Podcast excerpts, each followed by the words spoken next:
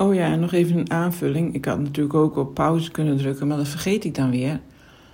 Ehm, maar er zat, het ging dus heel veel over accepteren dat het is zoals het is. En ehm, ja, dat. En ik wou nog zeggen van ehm, dat met dat slaan en schreeuwen en zo, dat is misschien hard werken. maar ik ben er niet van overtuigd dat dat uh, per se nodig is of per se niet nodig is. Ik denk dat dat bij iedereen heel verschillend is. De een heeft dat heel erg nodig om dat te uiten. En de ander kan dat, denk ik, uh, van binnen een soort van uh, shiften of, uh, of ja, daar een bepaald iets mee doen. Um, ik weet het niet of, of ik het nodig had. Het heeft wel heel veel gedaan.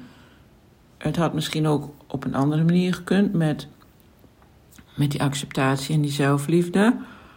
Dat, uh, dat kan ik me wel voorstellen dat dat ook kan. Maar er zijn ook mensen die moeten het echt kwijt. Die moeten het uit hun lichaam. Die zijn zo dat ze het, dat ze het moeten uiten. En uh, ja, dan. Uh, dan heeft dat zeker een, een helend effect. En dan is dat wel even hard werken, maar ja, dat is ook als je, als je ziet wat het oplevert. Ik heb dat toch ook wel gezien, ook in mijn werkervaring. Um, wat dat op kan leveren. Dat kan zo'n enorme omslag zijn als iets er echt een keer uitkomt. Of het nou met schreeuwen is, of keihard huilen, of een keer schelden, of, of keihard ergens op slaan, weet ik veel. Dat maakt niet uit. Maar of gewoon alleen al iets vertellen wat je nog nooit hebt durven vertellen. Um, dus dat het geuit wordt, wat dan wel kan voelen als hard werken, maar dat dat zo, zo'n enorme omslag teweeg kan brengen, ja, dan denk ik wel dat dat op dat moment goed is, ja. En ik weet, dan heel je dus ook helemaal niet iets wat vroeger gebeurd is. Zo zie ik dat niet. Ik, je heelt iets wat nu nog in jou zit, um, wat, waar je last van hebt en wat jouw stemming kan bepalen, wat je gedrag kan bepalen, um, wat ervoor kan zorgen dat je bijvoorbeeld moe bent of uh, dat je angstig bent, noem maar op. En, um, en waardoor je ook een bepaald inzicht mist. Dus het is ook niet zo dat